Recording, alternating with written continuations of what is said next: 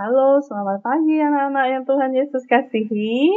Kembali pagi hari ini Bu Evi menyapa kalian lewat renungan kristalku. Sudah siap untuk belajar firman Tuhan?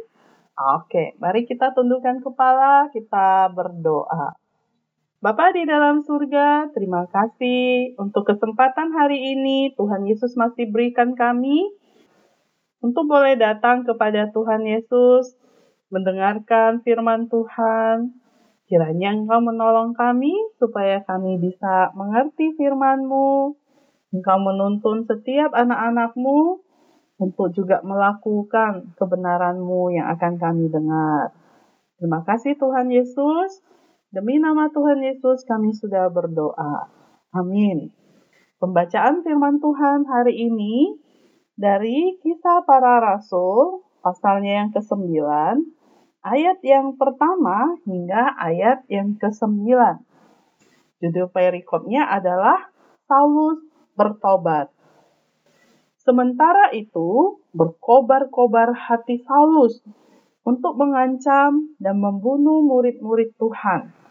Ia menghadap imam besar dan meminta surat kuasa daripadanya untuk dibawa kepada majelis-majelis Yahudi di Damsyik, supaya jika ia menemukan laki-laki atau perempuan yang mengikuti jalan Tuhan, ia menangkap mereka dan membawa mereka ke Yerusalem.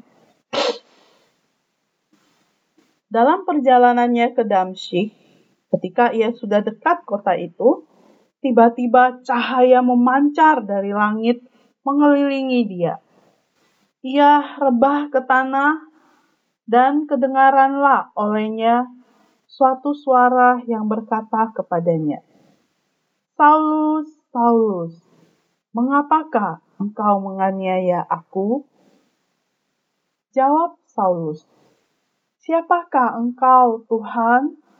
Katanya, akulah Yesus yang kau aniaya itu. Tetapi bangunlah dan pergilah ke dalam kota. Di sana akan dikatakan kepadamu apa yang harus kau perbuat. Maka termangu-mangulah teman-temannya seperjalanan. Karena mereka memang mendengar suara itu, tetapi tidak melihat seorang juga pun. Saulus bangun dan berdiri, lalu membuka matanya. Tetapi ia tidak dapat melihat apa-apa mereka harus menuntun dia masuk ke Damsyik. Tiga hari lamanya ia tidak dapat melihat, dan tiga hari lamanya ia tidak makan dan minum.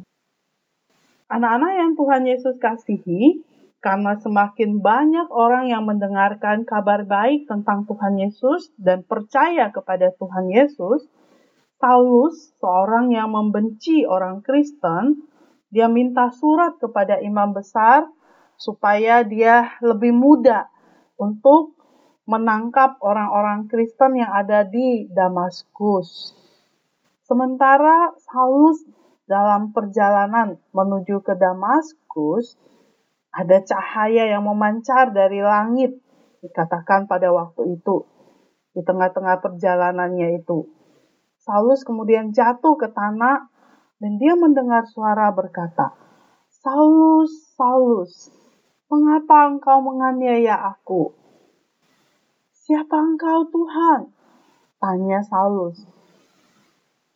Akulah Yesus yang engkau aniaya. Jawab suara itu. Tetapi bangunlah dan pergilah ke dalam kota. Di sana akan dikatakan kepadamu apa yang harus kamu perbuat. Kemudian Saulus bangun dan berdiri, tapi dia tidak bisa melihat apa-apa. Dia jadi buta. Orang-orang yang ada bersama dengan Saulus kemudian menuntun dia masuk ke kota Damsyik, di mana di sana dia menghabiskan waktu tiga hari, tiga malam tanpa makan dan minum. Anak-anak yang Tuhan Yesus kasihi, kenapa ya ada orang-orang yang membenci orang-orang Kristen yang percaya kepada Tuhan Yesus? Pernahkah kamu berpikir ketika kita baca Alkitab, ketika kita percaya kepada Tuhan Yesus, itu akan mengganggu, menjadi masalah buat orang lain? Mengapa Saulus menghabiskan begitu banyak waktu dan tenaganya untuk menyakiti orang Kristen? Padahal orang Kristen tidak buat apa-apa, dia hanya melakukan urusannya sendiri. Bahkan orang-orang Kristen pada masa itu membantu orang miskin, menyembuhkan orang sakit, dan memberitakan kabar baik tentang kasih Allah kepada orang lain. Anak-anak yang Tuhan Yesus kasihi, sebagai orang yang percaya kepada Tuhan Yesus, kita membawa terang Tuhan di tengah-tengah dunia yang telah berdosa ini.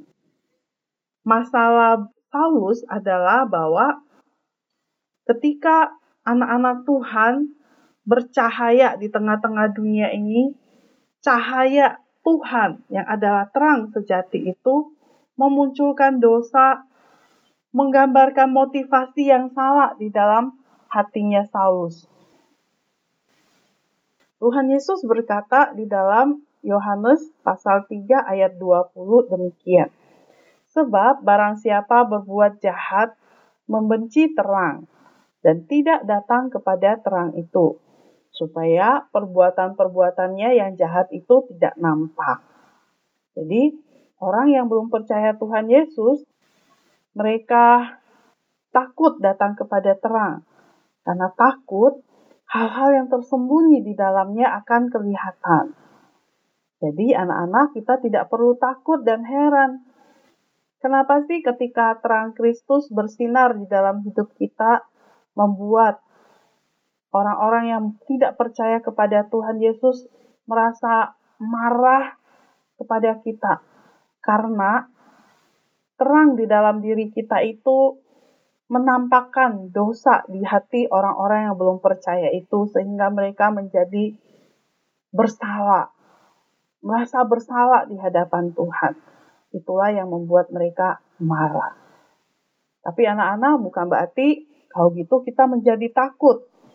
Justru kita harus terus hidup memancarkan terang Kristus. Sehingga orang-orang yang belum percaya boleh lihat terang itu, dosa mereka boleh diperlihatkan, dan kita berdoa supaya mereka mau bertobat juga percaya kepada Tuhan Yesus seperti Saulus yang akhirnya bertobat percaya kepada Tuhan Yesus. Demikian firman Tuhan, mari kita berdoa.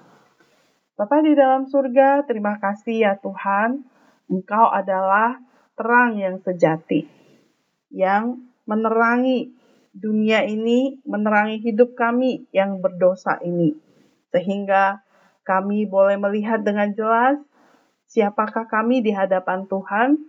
Kami boleh percaya kepada Tuhan Yesus, terang yang ajaib itu. Dan engkau boleh pakai hidup kami untuk memancarkan terangmu di mana pun kami berada.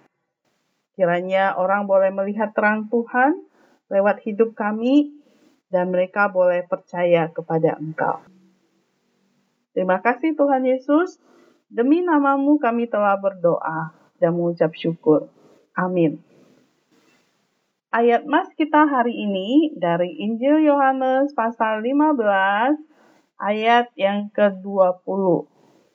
Yesus berkata, seorang hamba tidaklah lebih tinggi daripada tuannya. Jikalau mereka telah menganiaya aku, mereka juga akan menganiaya kamu. Demikian firman Tuhan. Selamat belajar. Bersama Yesus, aku bisa bergerak dan berubah.